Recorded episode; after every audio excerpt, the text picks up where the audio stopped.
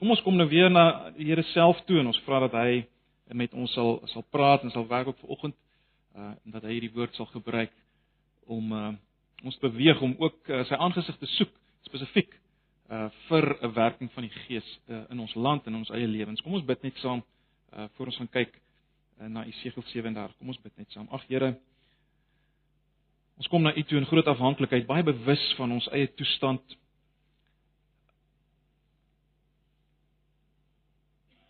Ons gebrokenheid, sonde, ons ongeloof in U.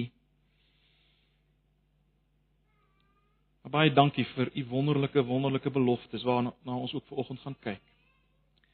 En ek wil maar net vra ag Here dat u ver oggend ook maar net u woord sal bevestig en sal bekragtig deur die werking van u Gees. Kom ons swakheid te hulp in hierdie oggend, my swakheid as prediker. En verheerlik u self. En ag sal nie kom en kom lewe gee daar waar dood is nie. Op alle vlakke asseblief Here. Ons vra dit in Jesus se naam. Amen. Nou ja, ons volgens by Jesaja 37.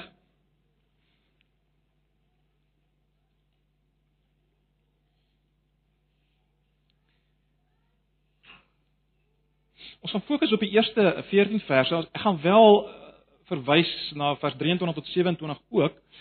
Maar kom ons lees vir nou net eers die eerste 14 verse.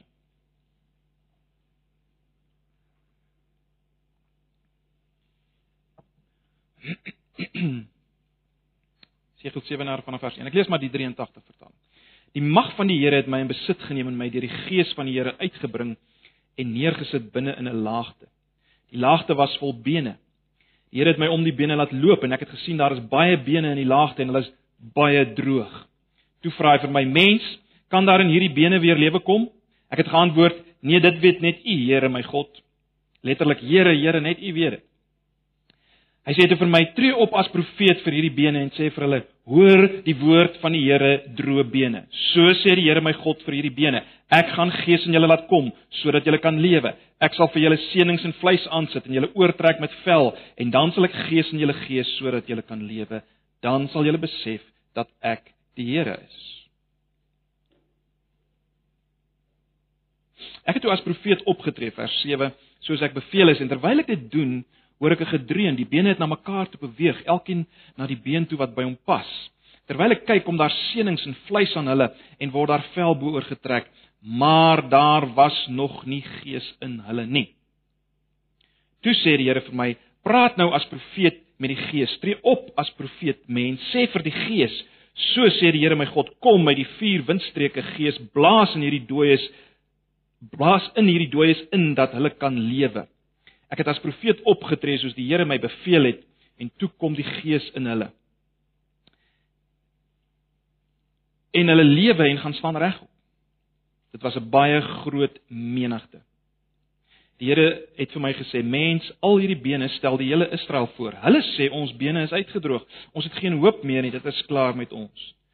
Tree op as profeet, sê vir hulle: "So sê die Here my God: Ek sal julle grafte oopmaak en julle laat uitkom, my volk, en ek sal julle terugbring na die land Israel toe.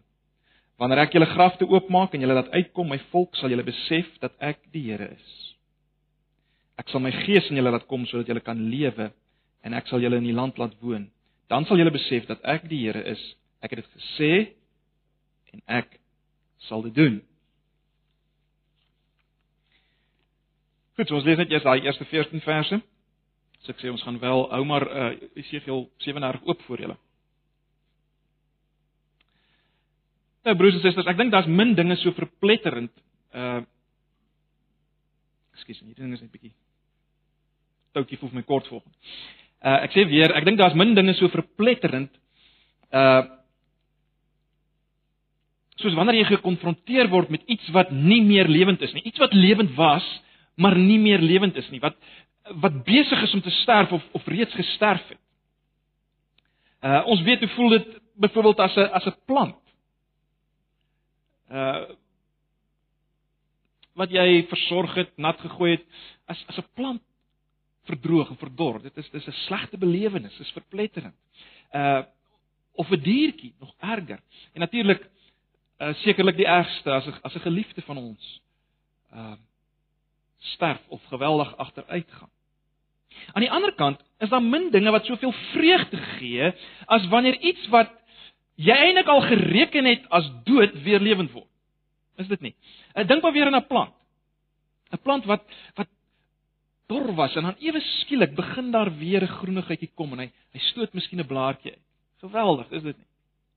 Of 'n diertjie. Uh, ek self het op 'n stadium die belewenis gehad, een van die kinders het, het 'n budgie gehad en die budgie het op 'n manier in die swembad beland. En toe toe ek by die budgie kom, toe dit my gelyk is dis dis heeltemal te laat. Sy pootjies was al letterlik soos 'n dooie voeltjies en heeltemal so opgekrul, soos 'n dooie voeltjie. Ek het toe maar die budgie opgetel en wou hom eintlik weggooi en toe sien ek maar wag, dit lyk tog daar is nog bietjie lewe en ek het lappe warm gemaak en die langs tot die kort maak die voeltjie het gelewe begin lewe en gelewe. Geweldige belewenis, uh, is iets wat ek nooit sal vergeet nie. Wonderlik geweest. Ek kan myself voorstel, dis is nog nog baie meer waar as as as as 'n mens wat jy gereken het eintlik dood is, nie meer lewe nie, weer tot lewe kom. Onbeskryflike vreugde. Nou natuurlik geld hierdie hierdie verplettering as iets sterf en hierdie wonderlike vreugde as iets weer herleef. Dit geld vir baie dinge in die lewe, né? Dit geld vir eh, verhoudings, vir instellings, vir vir volke. Om dit anders te stel, ek dink ons kan sê daar's daar's baie forme van dood en daar's baie forme van lewe. Daar's baie forme van dood en baie forme van lewe. Nou in die gedeelte wat ons gelees het, is daar ook sprake van die verplettering van dood en baie meer En as ook sprake van die opwinding van lewe maar ook iets baie meer as dit. So ek wil hê ons moet volgens kyk na spesifiek na die eerste 14 verse van Jesegiel. Ek het reeds genoem ons gaan wel ook verwys na vers 23 tot tot 27, maar kom ons kyk spesifiek na hierdie eerste verse. Nou weer eens ons doelwit natuurlik met hierdie reeks is spesifiek om te sien wie is God, om om 'n visie van God te kry, né? Nee, dis waar waarmee ons besig is. Maar goed, kom ons kyk na Jesegiel 37.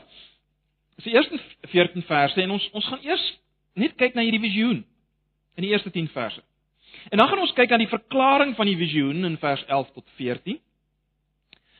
Dan gaan ons net enkele opmerkings maak oor wat sien ons van God hier en dan gaan ons bietjie dit deurtrek uh, nader na onsself en en Nuwe Testamenties daaroor dink.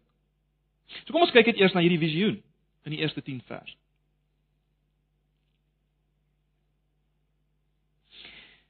Dit is baie interessant, net soos aan die begin van Esegiel se bediening word hy weer geneem na 'n laagte of 'n vallei. Nou uh, in die 83 vertaling word die woord in hoofstuk 3 vers 22 vertaal met vallei en hier word dit vertaal met laagte, maar dis dieselfde woord in in Hebreëus. Met ander woorde, dit lyk vir my hy word na dieselfde plek geneem as waarna toe hy geneem is in hoofstuk 3 vers 22. Dis dieselfde plek. Dis dieselfde plek. Dieselfde laagte. Nou, presies hoe hierdie visioen gewerk het, verstaan ons natuurlik nie. Maar stel jou net vir 'n oomblik voor wat Esegiel beleef. As die Here so van hom besit neem in hierdie visioen, wat beleef hy? Wel, hy loop op en af in hierdie laagte, soos ek sê, definitief dieselfde plek as wat hy in 3 vers 22 was toe hy weer 'n visie van God gekry het, dieselfde plek. Hy loop nou op en af in hierdie laagte en oral rondom hom lê daar net bene, 'n magtom bene. En die einde van vers 2 sê hierdie bene was baie dor. Dis wat die einde van vers 2 sê. Hierdie bene was baie dor. So hierdie bene was spierwit droog as jy wil. Skoon gepik, wit gebleik, gebars. Julle julle ken die prentjie, né? Nee?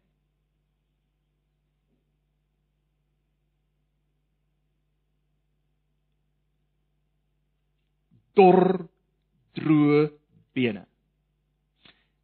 En dan kom God in vers 3 en hy vra vir Esegiel 'n amper belaglike vraag.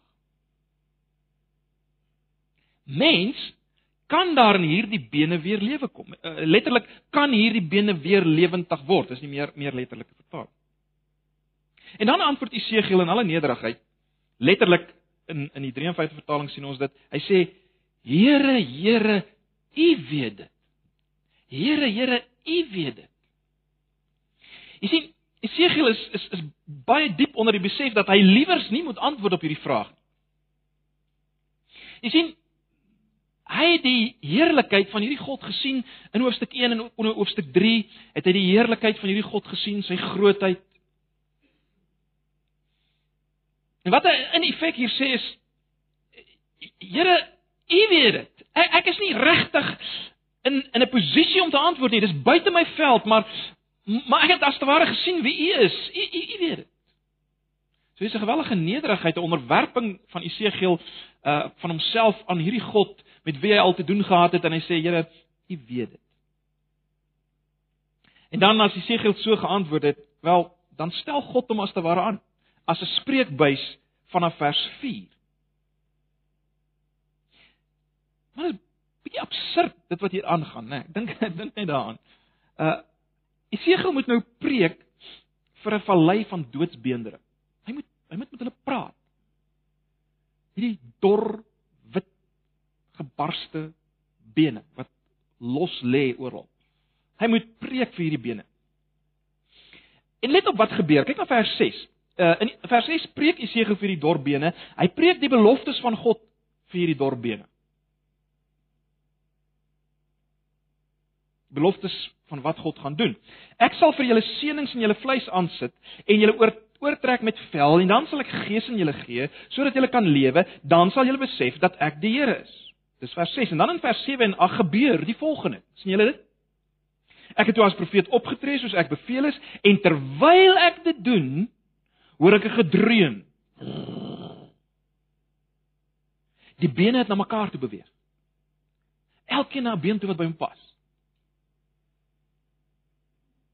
was 'n geweldige gesig geweest. Vers 8: Terwyl ek kyk, kom daar seënings en vleis aan hulle en word daar vel bo oor getrek.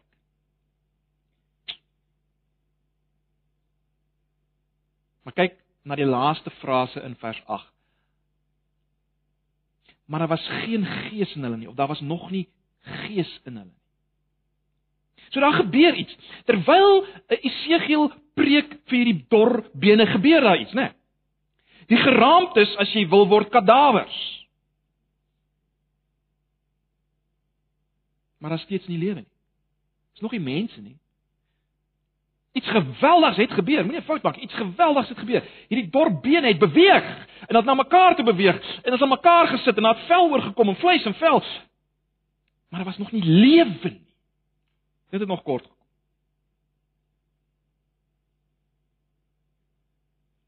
En dan kom God in vers 9 en hy sê vir Esegiel: Praat nou met die Gees. Letterlik profeteer tot die Gees. Jy het nou met die dorp bene gepraat. Jy het met hulle gepraat, maar praat nou met die Gees. Nou, net van interessantheid, of miskien is dit belangrik om te weet, die woord wind en gees in Hebreëus is dieselfde woord. Dis dieselfde woord. So hy praat as te ware met die wind of die gees en dan kom hierdie wind of gees uit die vier windrigtings en dit waai as te ware in hierdie gebeentes in. En dan gebeur daar iets geweldigs.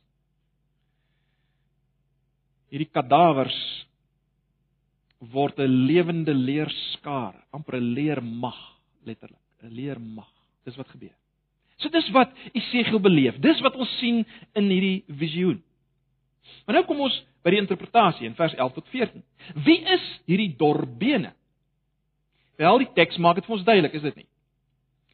Dis nie net die Israelitiese weermag nie of net 'n groep nie. Vers 11 maak dit baie duidelik. Die Here sê vir Esegiel, dit is die hele Israel.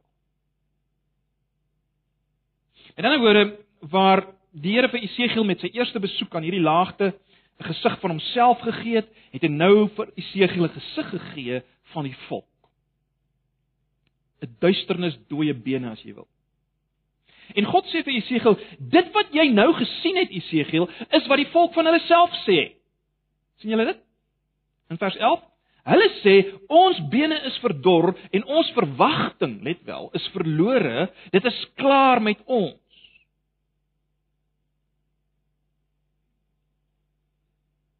Dis wat hulle van hulle self sê. So wat ons hier kry in in hierdie visioen, uh met ander woorde, dit wat of kom ek stel dit so, dit wat die volk van hulle self sê en dit wat God vir Jesegiel as te ware hier gewys het in hierdie visioen, uh, dit was 'n algemene manier om om in die in in die Hebreëse taal te praat van 'n absolute hopelose toestand waar daar geen hoop is nie. Dit is baie interessant. Mens sien dit as mens bietjie kyk uh in die res van die Ou Testament. Kom ek gee een voorbeeld. In Spreuke 17 vers 22 in die in die 53 vertaling. Lees ons die volgende. Spreuke 17 vers 22 in die 53 vertaling.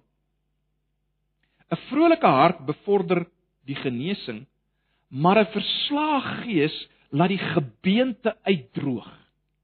So so dit lyk vir my, dit was 'n tipe van 'n beeld wat gebruik is in Hebreëus vir 'n vir 'n verslae, hopelose toestand. En dis waar die volk was. Dis waar die volk was as volk. As jy wil, dit was die nasionale toestand van die volk. Absolute wanhoop. Die volk was as jy wil dood. Dood. Ek meen, hulle stede was in pyn, hulle mense was verstrooi buite die land. Uh, hulle het geleef as banneling in ander lande. Daar was nie meer 'n tempel nie, geen Shekinah heerlikheid meer nie, geen offerandes meer nie, geen uh koordanse en liedere meer nie. Die volk was dood. Die volk was dood. Die bene was baie dor van hierdie volk. Ek meen die noordelike stamme was in ballingskap al vir 'n eeu en 'n half en die ballinge waar Esegiel was is nou vir 10 jaar in hierdie toestand. Die bene was baie droog.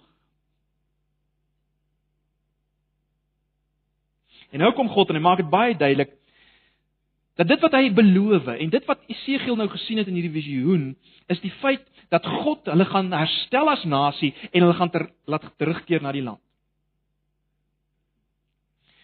Met ander woorde die belofte is dat God hulle gaan uh, uitvat, uitneem uit hierdie doodsbestaan in die vreemde en hulle na die land gaan bring. Uh, terloops, julle sal sien in vers 13 en so meer word daar gepraat van die feit dat hulle uit die grafte sal kom. Nou, waarskynlik verwys hierdie grafte na die ballingskap.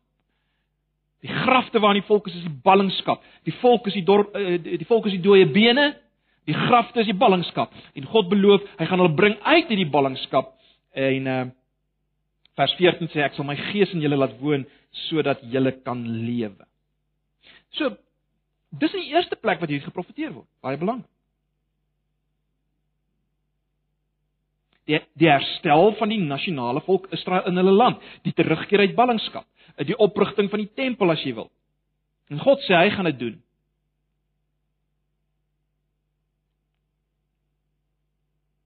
Deur die prediking van sy profeet en deur sy gees gaan hy dit doen. So dis die visioen en dis die verklaring wat ons hier kry. Maar kom ons vra nou vir onsself, maar wat sien ons hier van God? Uh, dis waarmee ons besig is in hierdie studie. Wat leer ons hier van God? En ek wil net twee punte maak. Baie baie eenvoudig. In die eerste plek sien ons hier dat God tree op in absolute hopelose situasies. Dit lyk amper asof asof God 'n behaag het in absolute hopelose situasies. Ek ek meen mense dink net aan die situasie voor die skepping, né? Nee. Uh twee sondae gelede het ons gesien dat God is is die een wat wat, wat herstel. Uh in, in die skepping sien mense ook iets daarvan van van God wat eintlik herstel bring, maar eintlik meer as dit amper lewe bring waar niks is nie. Hy dink aan die aarde wat woes en leeg was en God bring lewe daar. En mense kan natuurlik vir jouself vra, hoekom hoekom het God vir Israel in hierdie hopelose situasie laat beland? Hy kon dit mos verhinder het. Maar hy doen dit nie. Ag, eh, ons kan daaroor redeneer, maar maar ek dink tog dat wat hier gebeur is dat juis omdat die volk in hierdie hopelose situasie is, sien mens werklik wie is God. Hy kan werk vanaf 'n nulpunt. Hy kan werk vanaf niks, vanaf dood kan hy lewe bring. En en dit word duidelik juis in hierdie situasie. So dis wat ons sien van God hier. God is die God as jy wil, wat werk in hopelose situasies. Ons moet dit vir mekaar sê vir. God, ons God werk in hopelose situasies. Dis waar jy hom vind. Dis waar jy hom aan die werk kry in hopelose situasies. 'n Tweede ding wat baie duidelik word hier is dat God gebruik sy woord en sy gees in hopelose situasies. Ek dink dis voor die hand liggend, is dit nie? Dink net weer aan die skepping. Ons lees in, in Genesis 1 dat die die gees van God het oor die waters gesweef en dan lees ons dat God het gesê laat daar lig wees en so mee. Woord en gees. Of as jy dit anders wil stel, God werk deur die prediking van sy beloftes en die gebed tot hom om te werk deur sy gees. Dit lyk vir my dis die dinge wat God gebruik om om lewe te bring uit dood. Dis wat ons hier sien. Dis baie duidelik, né? Nee, hierdie hierdie prediking, hierdie praat met die bene oor die beloftes van God het beweging gebring, maar daar was nie werklik lewe totdat daar 'n gesprek as jy wil met die Gees was, tot die Gees was. Die Gees het lewe gebring. So mens kan sê dat God werk uh om dit so te stel deur die praat met mense oor die beloftes van God en die praat met God. Dis hoe God werk. Dis hoe God lewe bring waar dit dood is. Albei is nodig lyk dit vir my. Uh as daar iets is wat duidelik is in hierdie visioen is dat die een kan nie sonder die ander nie. En dit lyk vir my dat as jy stop by die een, dan kom daar nie lewe nie. As jy net bly by die preek van die beloftes, dan dan gebeur daar iets, ja, maar daar's nog nie regtig lewe nie. Dit lyk vir my dis wat wat hier na vore kom. So God werk in absolute hopelose situasies. God werk deur sy woord en deur sy gees. Albei is nodig.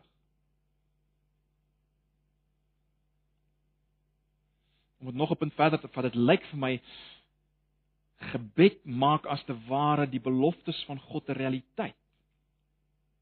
Maar dis hoe God werk. Dis wat na vore kom hier in Esegiel 37. Maar goed, kom ons bring alles bietjie nader aan onsself.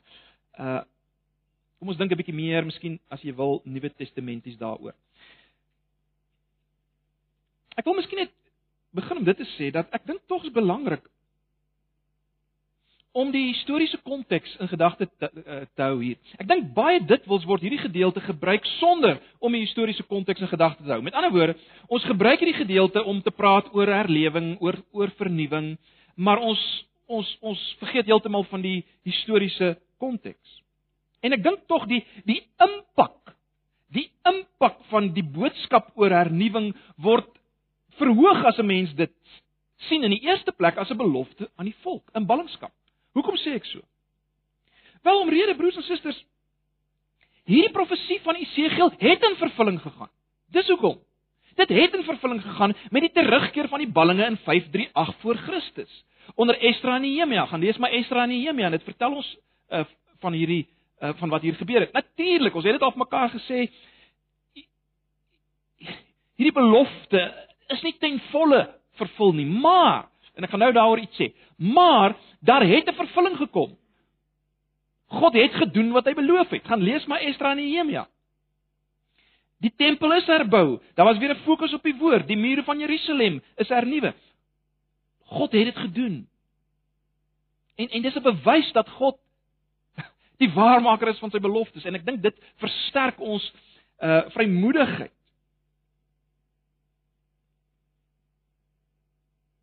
Om 'n verwagting te hê in die lig van hierdie gedeelte. Onthou nou wat ons al ook vir mekaar gesê het dat Bybelse beloftes word meer as een keer vervul. Ek gaan nou nie weer daaroor uitbrei nie. Julle moet maar die CD kry en, en gaan luister. Uh, ek het redelik daaroor uitgebrei. Bybelse beloftes word nie net eenmaal vervul. Die groot die beloftes, die groot heilshistoriese beloftes word weer en weer her, uh, uh, vervul. En 'n uh, tweede ding is dit die vervulling lyk nie altyd soos ons sou verwag dit moet lyk as ons kyk na die aanvanklike belofte nie. Uh, ek het al baie verwys na uh, Joel se belofte wat wat Petrus sê dis nou vervul jy op Pinksterdag, maar as jy gaan kyk na Joel se belofte dan jy kan nie lekker sien dis wat hier gebeur nie. Maar dis die vervulling daarvan. So onthou dit. Beloftes word meer as een keer vervul en die vervulling lyk nie altyd presies soos ons dit verwag nie. Hoe hoekom noem ek dit? Wel, die punt is maar net broers en susters, ons kan met vrymoedigheid vashou daaraan, staat maak daarop dat God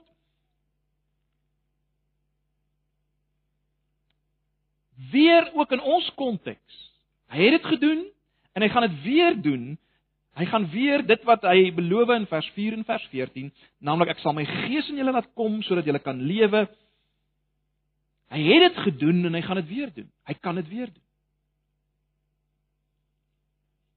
Met ander woorde, om dit so te stel, ons moet verstaan dat Esegiel so gesien in die lig van wat ek nou gesê het, teken Esegiel vir ons wat hier sit vanoggend in Antipas. Hy teken vir ons 'n prentjie van 'n aktiewe God wat op 'n soewereine manier in hopelose situasies werk.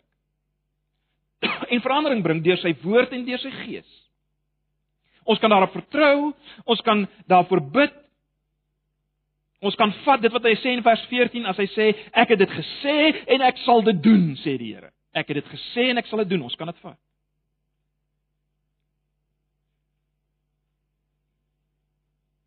Maar baie belangrik. En nou gaan ons bietjie kyk na na ander gedeelte in Esegiel. Daar's natuurlik aanduidinge in Esegiel 37 self dat dat daar nog 'n punt van vervulling was behalwe die historiese terugkeer na die ballingskap. Daar's 'n aanduiding in hoofstuk 37 self dat daar daar iets meer gaan plaasvind. Daar's 'n aanduiding in Esegiel 37 van dit wat gaan plaasvind met die koms van Jesus en die reiniging van sondes, die tyd van die nuwe verbond, as jy wil, die tyd van die kerk, die koms van die Heilige Gees. Kyk vir 'n oomblik na vers 23 tot 28.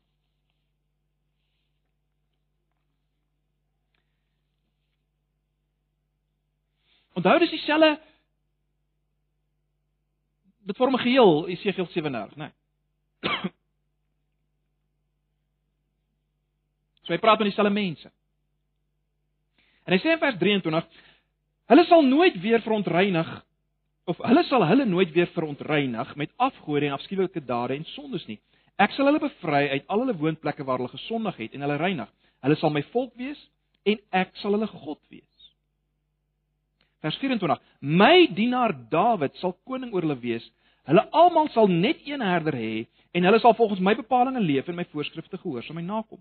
Hulle sal in die land woon wat ek aan my dienaar Jakob gegee het, waar hul voorvaders gewoon het. Hulle sal daar altyd woon, hulle en die kinders en hulle kinders se kinders en my dienaar Dawid sal hulle regerder wees vir altyd. Vers 26: Ek sal met hulle 'n verbond sluit wat vir hulle vrede sal bring, 'n verbond wat altyd sal bestaan.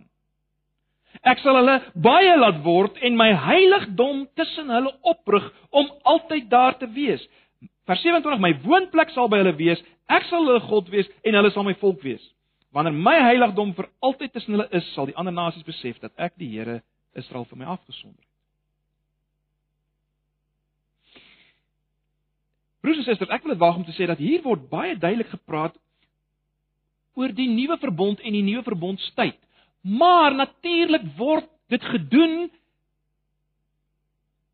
met ou verbondsterme as ek wil, as as jy wil. Hy hy gebruik ou verbondstaal as jy wil. Want andersins sou hulle dit glad nie verstaan het nie. Hulle sou nie geweet het wat op aarde Esegiel praat hiervan nie. Daarom gebruik hy terme wat hulle ken. Dawid, die land, die heiligdom. Maar ek het dit al genoem en ek gaan dit weer noem. Dis tog fascinerend dat hier sprake is hier hier is 'n verwysing na Dawid wat oor hierdie nuwe gereinigde volk sal regeer vir altyd. sien julle dit? Dis wat daar staan. Hierdie Dawid sal oor die of Dawid sal regeer oor die gereinigde volk vir altyd. Maar maar hoe werk dit? Ons weet tog Dawid was dood. En die Bybel verkondig nie reïnkarnasie nie. Met ander woorde dat Dawid weer op 'n of ander manier Nee. Maar wat weet ons? Ons weet dat met die geboorte van Jesus in Matteus 1 vers 1 word hy genoem die seun van Dawid. En in Lukas 1 vers 32 beloof God dat dat Jesus die troon van sy vader Dawid sal ontvang.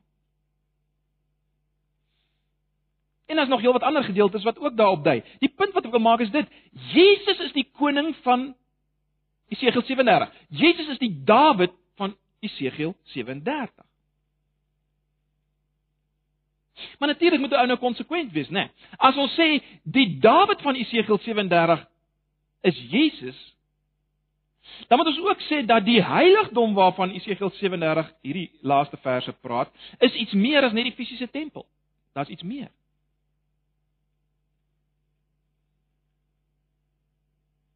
Jy sien ons moet dit wat ons doen met een deel van die belofte moet ons doen met die ander deel. En nou is dit baie interessant, is dit nie? Petrus op Pinksterdag maak dit baie duidelik dat Jesus met die opstanding die troon van Dawid bestyg het. Gaan lees maar Handelinge 2, daai laaste gedeeltes van Handelinge 2. En wat doen Jesus dan as die een wat gaan sit het op die troon? Wel, hy hy hy herstel die tempel. en hy doen dit deurdat hy die Heilige Gees stuur en ek gaan nou daarna verwys. Kom ons dink net eers eh, voor ek daarop gaan uitbrei. Kom ons dink net eers wat gebeur met die uitstorting van die Heilige Gees op Pinksterdag. Kom ek lees dit net vir julle. Handelinge 2 vers 1 en 2.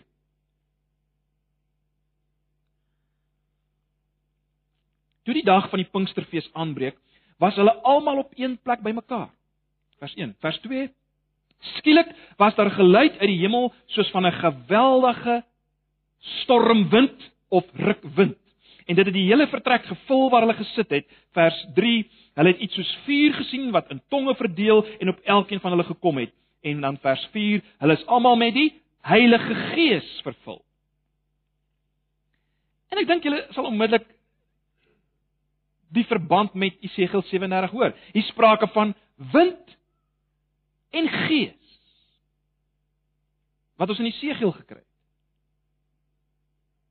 Maar hier is ook sprake van vier vlamme of tonge van vuur wat op die op die mense daar se koppe gaan sit. Hoe openbaar God homself in die Ou Testament? Wel, as die God wat 'n verterende vuur is. Hy doen dit al reeds by Moses in die brandende bos. Wat sê dit as hierdie vier vlamme nou op elkeen se kop sit. Wel, dit sê dat God, die heilige verterende vuur God, is nou in die midde van sy mense. En hy kan in die midde van sy mense wees natuurlik omdat Jesus reeds die oordeel van hierdie verterende vuur God op homself geneem het. En daarom is dit nou moontlik dat hy in hulle midde kan wees. Maar sien julle wat gebeur hier? Is dit nie presies wat Esegiel beloof in hoofstuk 37 vers 27 nie? Ek sal in julle midde woon. Dit gebeur hier op Pinksterdag. Geweldig grafies.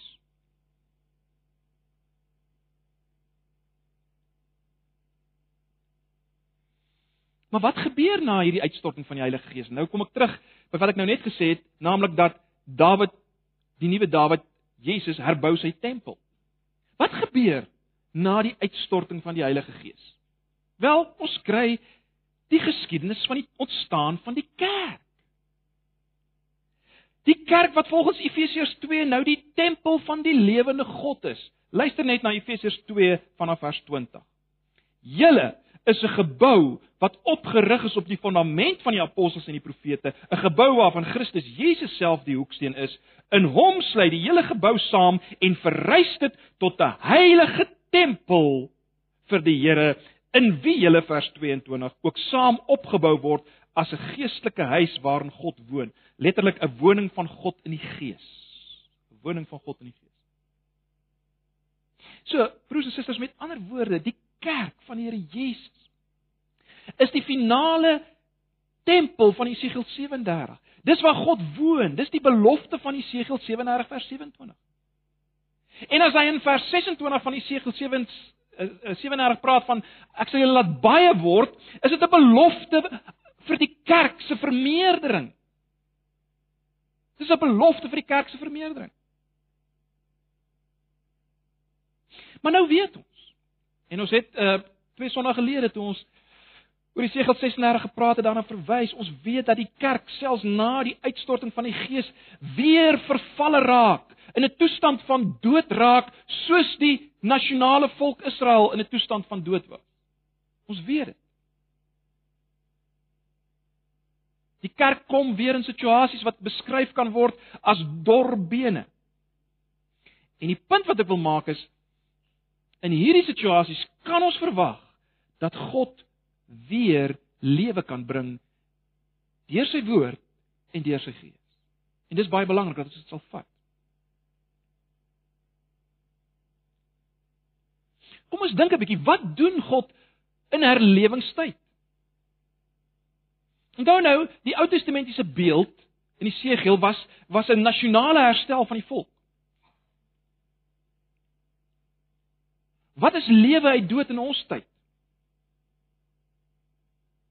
Wel, ek dink in die eerste plek is dit wedergeboorte. God bring wedergeboorte deur sy gees wat natuurlik ook lewe is uit dood. 'n Mens wat nie wedergebore is nie, is in 'n toestand van geestelike dood en God maak lewend deur 'n nuwe geboorte. Luister net na Jesus in Johannes 3, julle ken dit. Johannes 3 vers 6. Wat uit die mens gebore is, is mens. En wat uit God wat uit die gees gebore is, is gees. Moenie verbaas wees dat ek vir vir jou gesê het jy moet opnuut gebore word. Die wind waai waar hy wil. Jy hoor sy geluid, maar jy weet nie waar hy vandaan kom en waar hy heen gaan nie. So gebeur dit met elkeen wat uit die Gees gebore is. Jesus sin speel verseker op Jesegiel 37. Maar jy kan sien hoe gebruik hy dit nou in die Nuwe Testamentiese konteks. Hy gebruik die beeld van die wind wat waai en wat lewe bring as 'n beeld van die Gees wat wedergeboorte bring, lewe uit dood bring, geestelik gesproke. In Johannes 5 vers 25 sê Jesus dit baie eksplisiet. Hy sê daar kom 'n tyd en dit is nou wanneer die dooies die stem van die seun van God sal hoor en die wat daaraan gehoor gee sal lewe. Natuurlik wys hy dit demonstreer hy dit met die hy demonstreer hierdie geestelike waarheid met die fisiese opstaan van Lazarus as hy hom roep uit die dood en natuurlik uiteindelik met sy eie opstanding. Maar in hoofstuk 6, Johannes 6 vers 63 maak hy dit nog meer duidelik. Hy hy maak dit baie duidelik. Hy sê dit is die gees wat lewend maak. Die vlees is van geen nut nie. Die woord wat ek tot julle spreek is gees en lewe. So dis wat ons kan verwag uh wat gebeur in die Nuwe Testament. Maar dit lyk vir my ook dat ons moet vir mekaar sê dat dit lyk vir my dit's moontlik om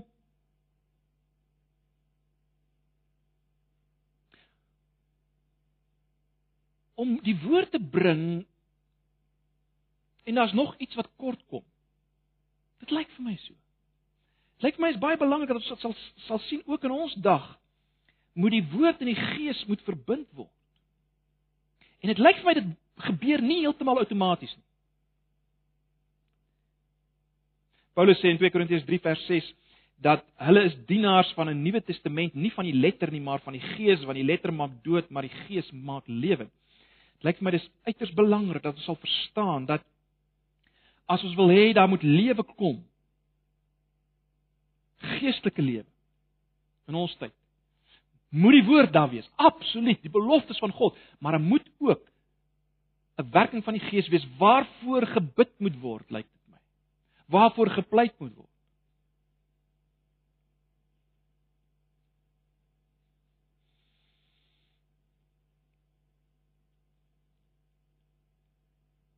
Broers en susters, dit lyk my daar's twee gedagtes wat ons moet vashou.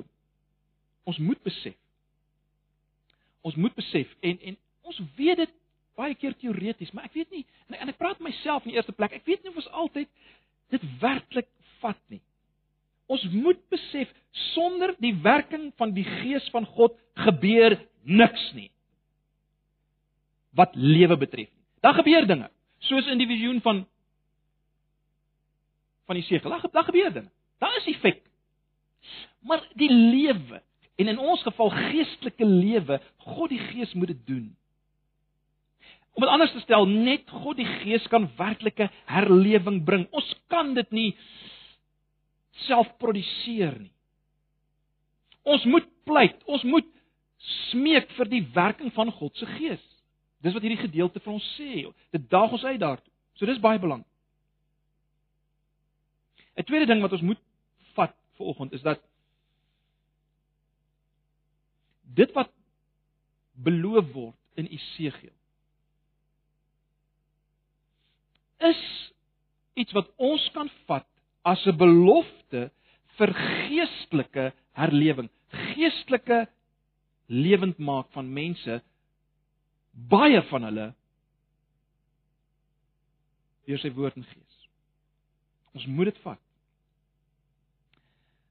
Ag, ons het 'n uh, twee sonna gelede het ek verwys na dit wat in Suid-Afrika gebeur het. Ek wil vanoggend net weer julle vinnig herinner aan aan wat gebeur het in Engeland in die 18de eeu. Ag baie van julle weet dit. Uh die herlewing wat daar uitgebreek het, daar word dikwels verwys na the great awakening. Maar ek wil hê julle moet raak sien die radikaliteit van dit wat gebeur. En en en mag dit vir ons hoop gee ook vir ons situasie in Suid-Afrika. Net baie vinnig in in in 1738 het 'n sekere biskop Berkeley die volgende uitspraak gemaak. Hy het gesê religion and morality in Britain had collapsed to a degree that was never before known in any Christian country. En as mens nou gaan lees wat wat die toestand was geestelik en moreel gesproke geweldig, hoor. Mense mense dink amper dit dit kan nie waar wees nie. Maar dit, dit word deur soveel bronne bevestig, ons moet dit vat. Mense kan regtig sê op alle vlakke van die Engelse samelewing was daar dood. Wat gebeur met die herlewing? Ons weet manne soos George Whitefield, John Wesley en sy broer het gepreek, maar ons weet ook hoe baie mense het absoluut gebid, God vasgegryp in gebed en die woord en die gees het gewerk. En der duisende kom tot bekering tot wedergeboorte, maar daar gebeur meer. Dat dat dat het 'n geweldige vermeerdering plaasgevind van getroue bedienaars van die woord. Tot op daai punt het feitelik daar was nie ouens wat die woord en die waarheid gebring het nie behalwe Whitfield en die Wesley broers en en een of twee ander. Maar eweslik was daar gewellige toename in ware predikers. Maar meer as dit, baie prominente, kan ek amper sê politieke figure het radikaal tot bekering gekom en radikale dinge gedoen. Mense dink aan uh, William Wilberforce en Clarkson wat, wat of laat ek so sê, hulle was instrumenteel in die afskaffing van slawerny wat 'n groot ding was in daai tyd. 'n Liderlike ding. En dit was 'n uitvloeisel van die herlewing, daar's geen twyfel nie, jy kan dit maar nagaan. Daar daar daar het geweldige dinge plaasgevind op industriële gebied. Kinderarbeid is gestop. Uh dat 'n mens kan amper sê uh, emansipasie plaasgevind op industriële gebied. Tronke is hervorm deur Elisabeth Fry en John Howard. Tronke is hervorm. As uitvloeisel hiervan. Skeepsveiligheid het verbeter. Sondagskole is gestig vir die eerste keer plaasgevind. En dan baie baie belangrik, Weereens het daar geweldige uh Hoe kan ek dit stel? Opvlamming, gewellige lewe op, op sendinggebied gekom. Dis fascinerend om te sien hoeveel sendinggenootskappe tot op daai punt was daar niks. Nul. Ons moet dit verstaan. Nul, niks. En wat het gebeur na die herlewing? Die volgende sendinggenootskappe het ontstaan. Baptist Missionary Society, the London Missionary Society, the Wesleyan Mission Society, the Church Mission Society, the British and Foreign Bible Society, the Child Inland Inland Mission. As uitvloeisel van die herlewing. En en ander gemeenskappe, as ek dit so kan noem, wat op op plaaslike vlak op in die samelewing verandering gebring het, verbetering gebring het. Die Salvation Army het tot stand gekom, the Religious Track Society. En so kom ons aangaan kinderhuise en noem maar op. Ek wil julle nou nie verveel met klomp name nie. Daar selfs mense wat reken dat die die groot rede waarom daar nie 'n revolusie plaasvind in Engeland soos in Frankryk nie was as gevolg van die herlewing, die geestelike herlewing. Hoekom noem ek hierdie goed broers en susters maar net om ons laat verstaan? As God werk deur sy gees en deur die woord, dan is is daar werklik geweldige verandering wat niks anders wat as niks anders beskryf kan word as werklik lewe uit die dood nie. Omvattend. En daarom ag, as ons kyk na ons eie land en ek weet ons is nie baie positief op die oomblik oor ons eie land nie. Ons moet vir mekaar vra, is enige iets vir God onmoontlik? In die lig van wat ons hierdie belofte in lig van die weer en weer waarmaking van hierdie belofte. Is enige iets vir God onmoontlik in ons land?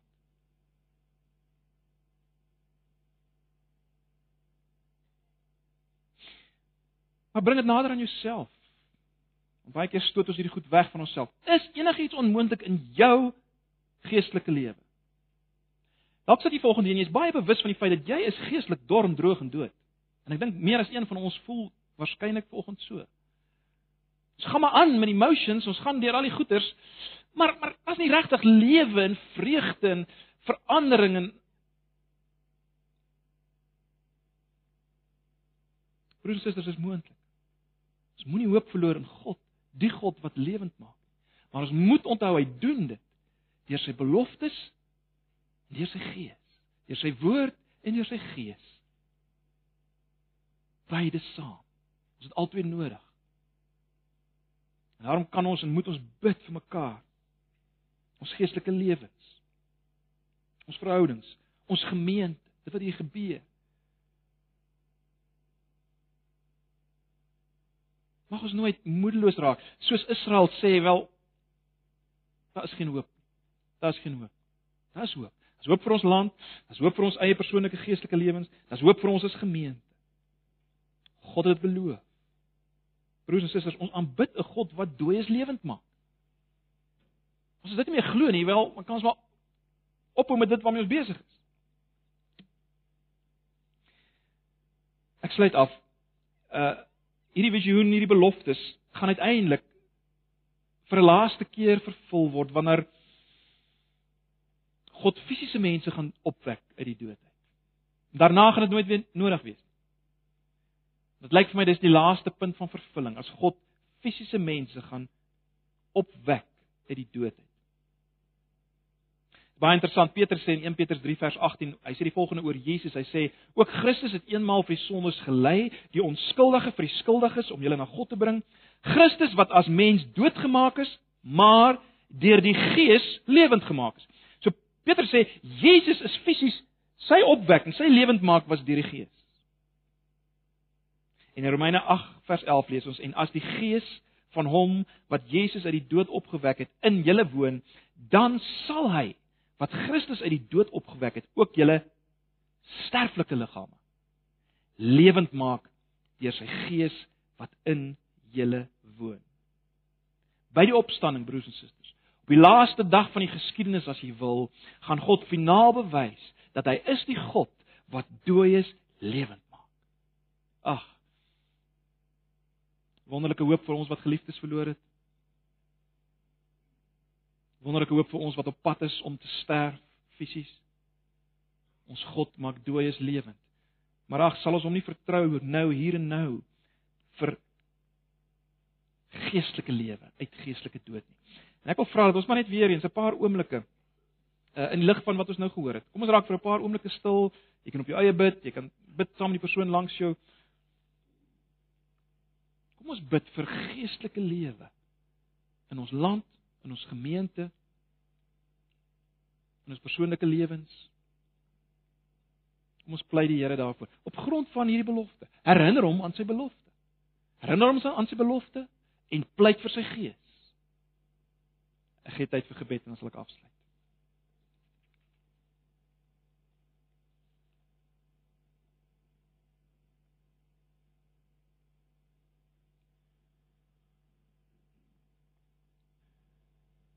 Ag Here baie baie dankie vir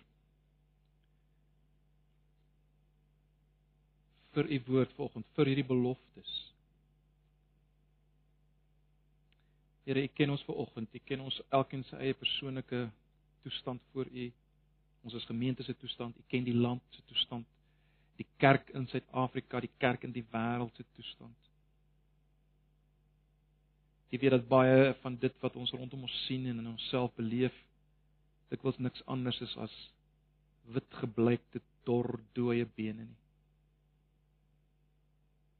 Ag Here, my gebed is net hierdie oggend dat U sal kom en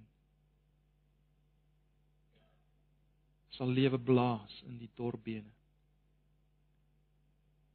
Geestelike vernuwing sal bring en ons pleit dit van U op grond van U beloftes, die beloftes wat U gemaak het in Esegiel wat U laat waar word uit histories met die terugkeer uit die ballingskap wat U gedemonstreer het op Pinksterdag en die totstandkoming van die kerk. Ons dankie dat ons hierdie beloftes van U kan pleit omdat Jesus alles gedoen het gedoen het wat nodig is om die beloftes te laat waar word. Omdat Jesus as plaasvervanger die oordeel gedra het van Israel se verbondsverbreeking en ons verbondsverbreeking. Here, op grond daarvan kom ons na U toe. En ons pleit U, kom maak U beloftes weer waar in ons eie midde. Bid vir elkeen wat vanoggend hier sit. U ken elkeen. Raak aan. Maak lewend asseblief. Ons vra dit in Jesus se naam. Mag nou die genade van ons Here Jesus en die liefde van hierdie God en die gemeenskap van die Gees waar ons gepraat het met julle wesen bly in hierdie dag en hierdie week. Amen.